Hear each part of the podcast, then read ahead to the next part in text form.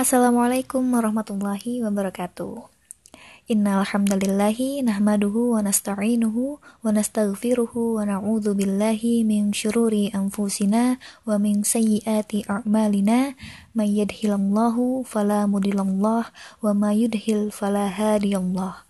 Asyhadu an la ilaha illallah wa asyhadu anna Muhammadan abduhu wa rasuluh. Alhamdulillah, senang sekali saya diberi kesempatan untuk bisa menyapa dan sharing dengan sahabat teman surga sekalian ya. Bersama-sama kita akan mengisi minggu malam ini dengan aktivitas yang insya Allah positif, bermanfaat, dan insya Allah juga bisa menjadi amal solih. Yaitu kita akan sama-sama bedah buletin teman surga. Kali ini temanya remaja new moral.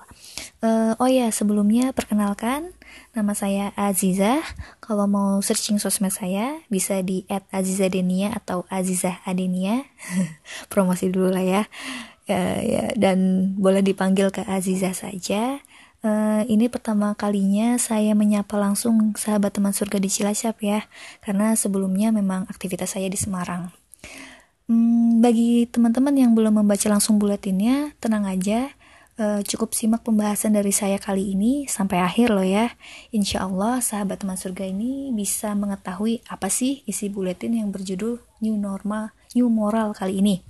Uh, Oke, okay, langsung aja pasti teman-teman penasaran kan? Atau enggak nih? buletin kali ini bahas apa aja sih? Nah, sahabat teman surga sebelumnya sudah tahu kan ya kalau saat ini kita sedang di suasana new normal. Itu loh kebijakan baru pemerintah terkait wabah corona atau COVID-19 di mana setelah sekian lama nih kita di rumah aja karena kebijakan PSBB, lalu icik-icik kita dibolehkan untuk kembali beraktivitas normal. Ya, namanya di rumah aja apalagi udah lebih dari tiga bulan loh ya ya pasti akan merasakan bosan kan? Dan kebijakan new normal ini nih bagi jiwa-jiwa yang bosan tadi pastinya jadi kabar gembira gitu. Ibaratkan burung yang selama ini disangkarin lalu dilepasin dari sangkarnya. Rasanya bebas dan plong banget kan? Nah tapi jangan keburu senang dan euforia dulu karena sudah new normal nih. Karena faktanya kondisi di luar sana itu masih belum terjamin keamanannya. Dari data yang ada, grafik kasus positif dan meninggal akibat COVID-19 itu masih terus meningkat. Bahkan belum ada tanda-tanda penurunan, apalagi normal. Jadi kita harus tetap sadari nih bahwa pandemi ini sebenarnya masih belum berakhir. Nah, kita juga kudunya paham sih ya sebagai remaja muslim yang uh, cermat gitu bahwa sebenarnya kita nggak perlu nih euforia karena sudah ditetapkan new normal. Justru kita tetap harus waspada. Kita tetap stay at home dulu gitu. Kalaupun harus keluar rumah karena keperluan yang urgent aja. Dan kalau keluar jangan lupa tetap terapkan protokol COVID-19 pakai masker cuci tangan pakai sabun kudu social distancing. Ya memang kurang lebih seperti suasana pada bulan-bulan sebelumnya gitu. Karena nih kalau kita maksain diri beraktivitas layaknya aktivitas normal, mulai jalan-jalan, mengunjungi pusat perbelanjaan, kumpul-kumpul dengan teman tanpa protokol COVID-19, ya new normal ini justru bisa menjadikan kondisi itu jadi lebih berbahaya gitu. Bukan nggak mungkin nih jumlah carrier pembawa virus itu bisa semakin tinggi angkanya. Selain itu, aktivitas jaga diri kita selama di rumah aja sebelumnya bisa jadi percuma dan bisa jadi nih kita malah kena virusnya justru di masa new normal ini. Ngeri kan? Nah, alhamdulillah patut kita syukuri juga kalau aktivitas sekolah itu juga masih belum dimasukkan kembali ya karena sebelumnya kan memang ada wacana untuk uh, mengaktifkan kembali sekolah setelah new normal gitu tapi alhamdulillahnya diurungkan karena kebayang nggak sih kalau kondisi pandemi belum pulih tiba teman-teman di sekolah itu udah mulai beraktivitas lagi seperti biasa bebas bersentuhan bergaul ngobrol gitu ya. Maka bisa jadi bakalan ada masa pandemi jilid kedua. Jangan sampai kan? Ya, uh, konsep new normal ini kan sebenarnya kita diminta untuk mulai merubah lagi pola aktivitas kita sebelumnya yang selama ini di rumah aja ke aktivitas yang normal seperti sedia kala katanya ya. Nah, hal yang menarik nih, kita tahu kalau selama masa pandemi dan di rumah aja ini, pola aktivitas kita itu jadi serba beralih ke daring kan, termasuk urusan belajar dan sekolah teman-teman. Nah, dampaknya kita emang jadi banyak interaksi dengan gadget dan durasi menggunakan handphone pun jadi lebih sering. Kita juga jadi bergantung banget nih sama yang namanya kuota internet dan sinyal. Kalau nggak ada kuota, nggak ada sinyal itu, waduh, ya udahlah tamat riwayatmu gitu kan. Dan ini kejadian loh ya teman-teman kalau tahu. Ada berita eh, mahasiswa Unhas meninggal gara-gara mencari sinyal buat ngerjain tugas kuliahnya. Miris banget kan ya astagfirullah. Nah tapi lebih miris juga ketika pola aktivitas yang intim banget dengan gadget tadi selama di rumah aja tanpa sadar bisa jadi sesuatu yang sulit ditinggalkan walaupun sudah new normal atau bahkan nanti pas beneran udah normal. Karena memang saking sudah seringnya berduaan terus sama gadget akhirnya jadi semacam ketergantungan alias edik banget gitu. Dan ketergantungannya ini juga bukan sekedar uh, untuk kebutuhan pendidikan aja ya bahkan ya memang kebutuhan hiburan itu berasal dari gadget uh, dari gadget ini gitu jadi tambah edik gitu bahkan kalau sekarang itu sarana pelampiasan euforia uh, masa new normal ini ya melalui uh, apa namanya gadget tadi gitu Nah, sebut aja nih aplikasi hiburan TikTok ya yang udah diinstal oleh banyak orang, lebih dari 100 juta orang loh. Dan di antaranya itu pasti uh, adalah para uh, apa newbie TikTokers ya yang bosen di rumah aja. Uh, mereka rame-rame nih mulai install TikTok kemudian supaya bisa ikut challenge-challenge yang viral saat ini. Ya remaja kurang moral, kurang ilmu agama, udah deh ngumpul semua di situ ya berlomba-lomba buat bikin karya TikTok ya. Dalam tanda kutip nih karya gitu yang kadang malu-maluin diri sendiri gitu. Tapi ya tetap dilakuin ya cuma sekedar berharap viral gitu. Ya gitulah ya. Bentuk euforia kebablasan memasuki new normal ini gitu. Jadi lupa deh kalau kondisi kita itu sekarang masih mengkhawatirkan. Ya yang penting asik-asikin aja ya kan gitu ya yang terbaru nih kalau sahabat teman surga tahu kita uh, ini lagi rame yang namanya Lati Challenge ya di mana challenge menggunakan lagu Lati karya dari Reza Octavian, Eka Gustiwana dan Gerard Liu dari Virginius Fit Fajira.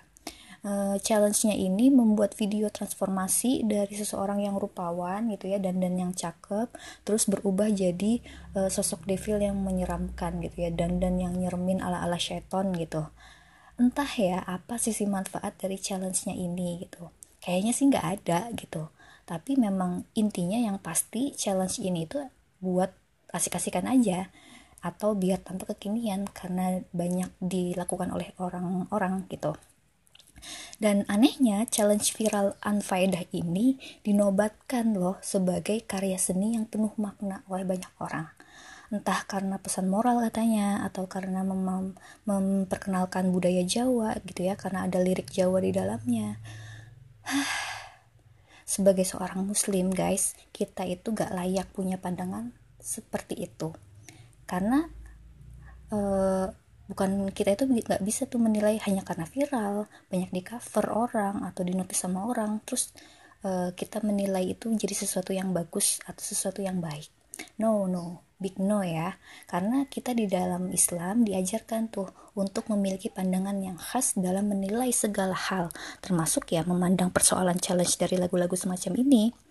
Kita nggak akan asal nih menilai sesuatu itu bagus menilai sesuatu itu wah bermakna perlu ditiru nih gitu ya. Sebelum kita itu menilainya dengan akidah dan syariat Islam jadi ya memang harusnya sebelum ikut-ikutan gitu ya sebelum kita mengambil pilihan ya kita itu kudu cross check dulu nih kira-kira challenge itu sesuai aturan Islam atau enggak ya? Kemudian challenge tadi itu sejalan gak sih sama akidah Islam kita atau enggak nih gitu. Nah eh, tapi ya memang sayang banget faktanya memang gak sedikit orang-orang yang ikutan challenge dan nyanyi lagu ini tanpa pikir panjang tanpa tahu nih arti atau maknanya yang penting asik dan lagi tren gitu. Uh, satu keheranan ya yang saya rasakan gitu. Orang-orang apalagi para remaja ababil tuh bisa ya dengan santainya menyanyikan lagu-lagu entah dari lirik bahasa Inggris, Korea, Cina, Spanyol gitu ya bahkan bahasa Indonesia yang membuat mereka itu nggak sadar diri loh kalau dia itu nggak ada bedanya sama orang gila. Nah kenapa saya bilang gitu? Bayangin aja ya teman-teman lirik-lirik lagu itu dibacakan tanpa nada. Saya ambil contoh ya ada lagu yang nama yang kayak gini hanya aku manusia bodoh gitu.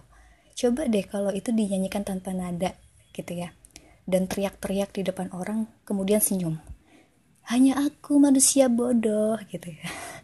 Ini kan uh, apa namanya uh, aneh banget gitu sebenarnya gitu. Kalau orang normal mau nggak sih dia teriak-teriak bangga dengan senyuman di hadapan banyak orang bilang kalau dirinya itu bodoh kayaknya nggak ada kan ya gitu. Cuma orang gila yang begitu sebenarnya gitu. Tapi kan nggak sadar gitu. Atau yang lagu lirik bahasa Inggris ya yang sempat viral juga challenge-nya yang liriknya itu maaf uh, dia ngomong I'm a bitch I'm a boss gitu ya. Dikatakan yang artinya ya maaf pelacur gitu ya. Ada nggak sih orang yang dia itu dengan senyuman uh, di depan kamera bangga ngomongin dirinya itu saya itu pelacur gitu maaf.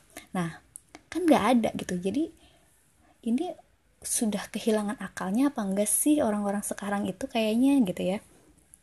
Nah atau lagu atau satu lagi nih lagu minta dihapus ingatan tahu kan ya? Hapuskanlah ingatanku gitu. Nah aduh kan tahu gak sih? Karena ucapan adalah doa. Bayangin deh kalau dikabulin sama Allah gimana? Nah itulah ya e, di antaranya. Kembali ke lagu Lati tadi gitu. Ada liriknya yang memang uh, berisi begini ya. Ada kata-kata I was born a fool broken all the rules seeing all null being all of the truth gitu. Yang artinya memang uh, aku dilahirkan sebagai orang bodoh merusak semua aturan karena semuanya nol menyangkal semua kebenaran. Di mana ya kembali lagi tadi bangga mengaku bodoh. Bahkan uh, lirik-liriknya itu mengekspresikan nilai-nilai kebebasan gitu. Nilai-nilai untuk melanggar uh, aturan bahkan merusak aturan itu nah uh, walaupun memang ya ada lirik berbahasa Jawa yang katanya merupakan pepatah nasihat gitu ya yaitu ajining diri ono ing lati yang artinya seseorang itu dinilai atau harga dirinya terletak pada terletak pada ucapannya. Bahwa memang ucapan itu penting dan ada maknanya.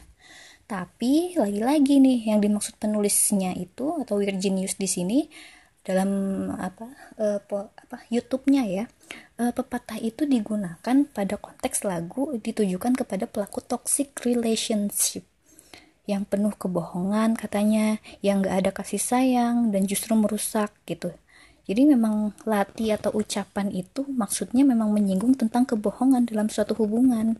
Ya, sang penulis itu berharap nih lagu ini tuh jadi pesan moral bagi para pelaku toxic relationship tadi gitu agar berubah. Ya di situlah uh, akhirnya memang orang-orang mengatakan ini tuh penuh makna gitu.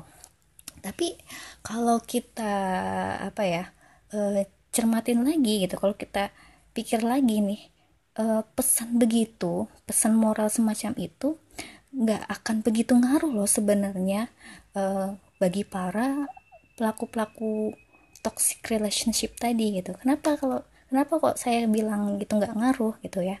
Yang pertama orang yang fokus pada orang itu hanya akan fokus pada sisi hiburan dari video challenge itu sendiri gitu ya. Jadi mereka ya dalam hatinya itu ya berpikir ya bodoh amat gitu emang gue pikirin apa sih artinya ya nggak akan nggak perlu nggak terlalu dipikirin gitu ya. Saya sendiri di awal kalau bukan karena memang penasaran kenapa ini viral gitu ya uh, dan menelusuri gitu ya nggak akan tahu gitu maksud dari arti dari lirik lagu tadi gitu jadi ya memang kira-kira gitu ya apa namanya yang ada di dalam benak pelaku toxic relationship pun juga ya emang gue pikirin gitu ya. Jadi memang viralnya video itu nggak ngejamin gitu pelaku toxic relationship tadi itu bakal berkurang. Dan itu artinya sisi entertainingnya aja yang bakalan dicari orang e, dari lagu ini gitu bukan pesan lagu bukan pesan dari lagunya. Nah yang kedua uh, alasan kenapa pesan moral dari lagu atau video Lati itu nggak bakal nyampe ke ke mereka karena memang itu cuma dihimbau gitu. Sementara sisi kesadaran orang tadi uh, nggak disentuh. Maksudnya sisi kesadaran yang paling dalam atau kita katakan di sini itu adalah akidah. Seseorang tadi itu nggak disentuh gitu. Orang-orang yang dia itu toxic relationship itu nggak akan bisa berubah nih hanya dengan pesan moral lewat lagu. Karena yang harus disentuh itu adalah sisi akidah yaitu memunculkan rasa takutnya nih kepada Allah karena melakukan hubungan yang uh, apa namanya meru apa sih namanya uh, menyiksa pasangan lah ya gitu kan ya. Membuat kerus apa namanya membuat kerusakan gitu ya. E, bahkan pacaran sendiri pun ya sebenarnya e, apa namanya nggak halal kan. Sebenarnya haram ya gitu. Bahkan orang toxic relationship itu bukan cuma meninggalkan toxic relationshipnya tapi meninggalkan aktivitas pacarannya kalau disentuh akidahnya gitu. Nah ya tapi kan kalau lewat pesan moral lewat lagu aja dijamin deh nggak akan bisa menyentuh uh, mereka gitu ya dan membuat mereka berubah gitu. Karena memang perubahan itu tadi ya dimulai dari memunculkan rasa takut kepada Allah gitu ya. Memunculkan rasa kesadaran bahwa Allah itu yang maha menciptakan dan mengatur manusia sampai akhirnya mau tunduk dengan Allah gitu. Karena memang prinsip perubahan seseorang itu ya dimulai dari akidahnya. Kenapa? Ya karena akidah itu yang menentukan bagaimana seseorang itu memilih pilihan termasuk perilakunya. Gitu. Nah, intinya sebagai remaja muslim itu jangan latah gitu. Ikut-ikut challenge ataupun uh, apa namanya? berbagai macam hal-hal yang trending saat ini itu apa pun itu uh, kita melakukan itu uh, benar-benar harus dipikir lagi gitu ya sebelum sebelumnya kita harus tahu dulu dan bertanya bagaimana sih makna dan hukumnya dalam Islam? Ya udah sih gitu gak masalah kok akhirnya kita dianggap kaku misalnya ya gak asik gak gaul gitu. Toh apa sih yang lebih penting dari dunia ini kalau bukan kesempatan beramal solih mengumpulkan bekal di akhirat kelak? Konsekuensinya memang ya di zaman kayak gini ya kudu siap jadi remaja yang kaku gitu Nah, tapi tenang nih teman-teman, karena Rasulullah SAW sudah pernah memberi kita semangat dengan hadis beliau. Dikatakan dalam hadis riwayat Muslim, uh, Islam datang dalam keadaan yang asing dan akan kembali pula dalam keadaan asing. Sungguh beruntunglah orang-orang yang asing. Ya udah, kita sebenarnya harusnya tenang aja ya, karena uh, Rasulullah sendiri memberikan motivasi kepada kita. Gak masalah kita itu menjadi orang yang asing gitu karena memang fitrahnya Islam itu datang kan dalam keadaan asing dan jadi orang asing itu justru jadi orang adalah orang yang beruntung. Nah, di sini kita sadari bersama ya teman-teman bahwa memang gak gampang di, di situasi sekarang ini untuk menjadi remaja normal, apalagi new normal. Karena normalnya remaja muslim pada kondisi sekarang itu akan berhadapan antara keinginan, godaan, dan ujian. Kalau kita bicara keinginan nih remaja mana sih ya yang nggak pengen main gadget nggak pengen cari hiburan apalagi setelah untuk belajar dan uh, ngerjain tugas gitu. Nah keinginan-keinginan tadi itu bagi seorang remaja muslim akan ada godaan dan ujiannya. Godaan banget tuh ketika kesempatan buat main gadget jadi tambah luas karena di masa pandemi ini. Gadget itu jadi standby terus di samping kita jadi nggak bisa jauh-jauh dari gadget dikit-dikit cek sosmed itu gampang. Nah ini juga jadi ujian ketika harus dibenturkan dengan sebuah kewajiban. Misalnya kalau pas waktunya sholat, waktunya uh, jadwal ngaji Islam, waktu disuruh orang tua, maka itu jadi ujian nih untuk memilih antara tetap main gadget tadi atau segera mengerjakan kewajiban. Jadi gimana nih supaya bisa tetap jadi remaja muslim yang baik meskipun kita ada di tengah-tengah kondisi yang berubah-ubah seperti era new normal kayak gini. Nah, tenang aja, ada caranya kok teman-teman. Yang pertama, remaja muslim new normal itu tahu apa yang harus difikirkan dan dikerjakan dia. Ya, sebagai remaja ya, e, sebenarnya kan punya pilihan dalam hidupnya. Nah, hanya saja ketika mau memilih sesuatu itu akan sangat tergantung nih dari yang namanya akidah kalau akidah Islamnya kokoh dan benar, maka seseorang remaja muslim akan tahu nih apa yang harus difikirkan dan dikerjakan ketika berhadapan dengan sesuatu yang sulit untuk dipilih dia. Gitu. Jadi remaja muslim punya prinsip alias pegangan yang bikin dia itu nggak gampang galau karena dia yakin dengan ketawitannya bahwa Allah akan menjamin surga bagi yang istiqomah. Ya, seperti dalam Quran surat Al-Fusilat ayat 30 ya dikatakan sesungguhnya orang-orang yang mengatakan Tuhan kami ialah Allah, kemudian mereka meneguhkan pendirian mereka atau istiqomah, maka malaikat akan turun kepada mereka dengan mengatakan, "Janganlah kamu takut dan janganlah merasa sedih dan bergembiralah dengan jannah atau surga yang telah dijanjikan Allah kepadamu." Masya Allah. Jadi, kalau kita jadi remaja muslim yang kuat akidahnya, keyakinannya kepada Allah, kita nggak akan mudah untuk takut dan bersedih kok karena kita akan e, dijamin gitu ya oleh Allah dengan apa dengan sesuatu yang lebih berharga dari dunia yaitu adalah surga gitu. Nah, kemudian yang kedua, remaja muslim new normal itu bukan cuma berpikir tentang about me ya. Maksudnya remaja muslim itu uh, di yang ada di pikirannya itu jangan sampai hanya hal-hal yang untuk menge mengejar kesenangan dirinya sendiri gitu.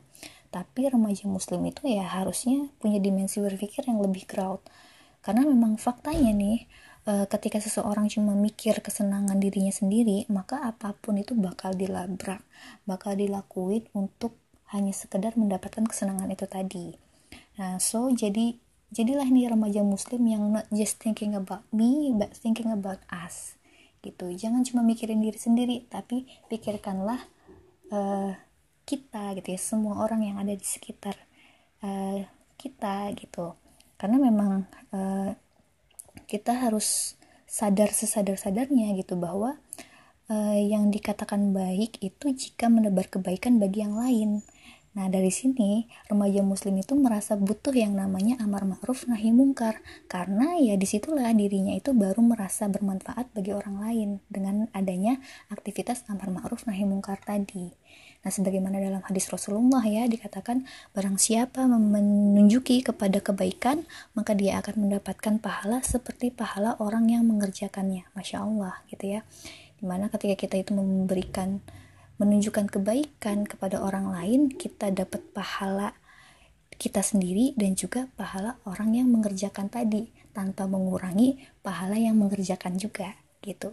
Wah, luar biasa lah ya. Nah, kemudian yang ketiga nih, remaja muslim new normal itu juga gak butuh new moral.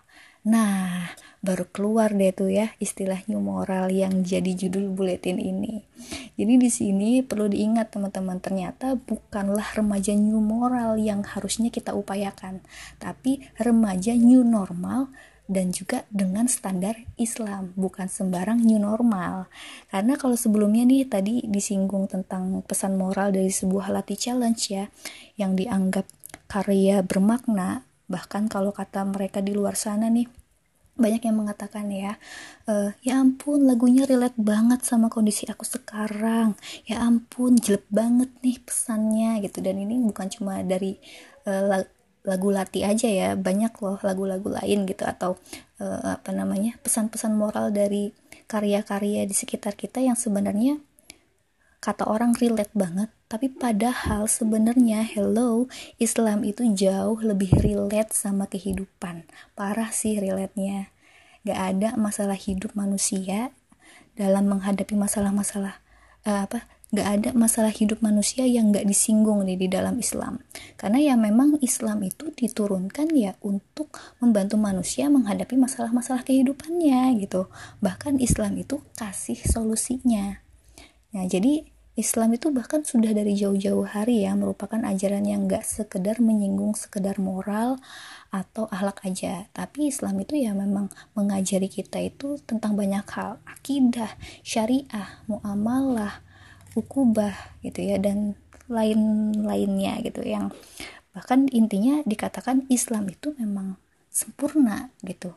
Dan kita dan sebagai remaja muslim ya ya harus bangga gitu bahwa Islam itu sempurna dan Islam itu udah cukup banget deh buat kita nggak perlu mencari-cari yang lain Nah, karena sebagaimana di dalam Quran surat Ali Imran ya ayat 83. Maka mengapa mereka mencari agama yang lain selain agama Allah padahal apa yang ada di langit dan di bumi berserah diri kepadanya, baik dengan suka maupun terpaksa dan hanya kepadanya lah mereka dikembalikan. Kemudian dalam Quran Surat Ali Imran ayat 85, dan barang siapa mencari agama selain agama Islam, dia tidak akan diterima dan di akhirat dia termasuk orang-orang yang rugi. nah uh, ternyata ya bener kan gitu ya bahwa memang Islam itu adalah sesuatu yang sudah uh, Allah sempurnakan untuk manusia dan gimana tinggal kitanya aja nih mau mengambilnya atau enggak jadi gimana nih teman-teman siap jadi remaja muslim di era new normal ini atau enggak? Kudu siap ya. Ya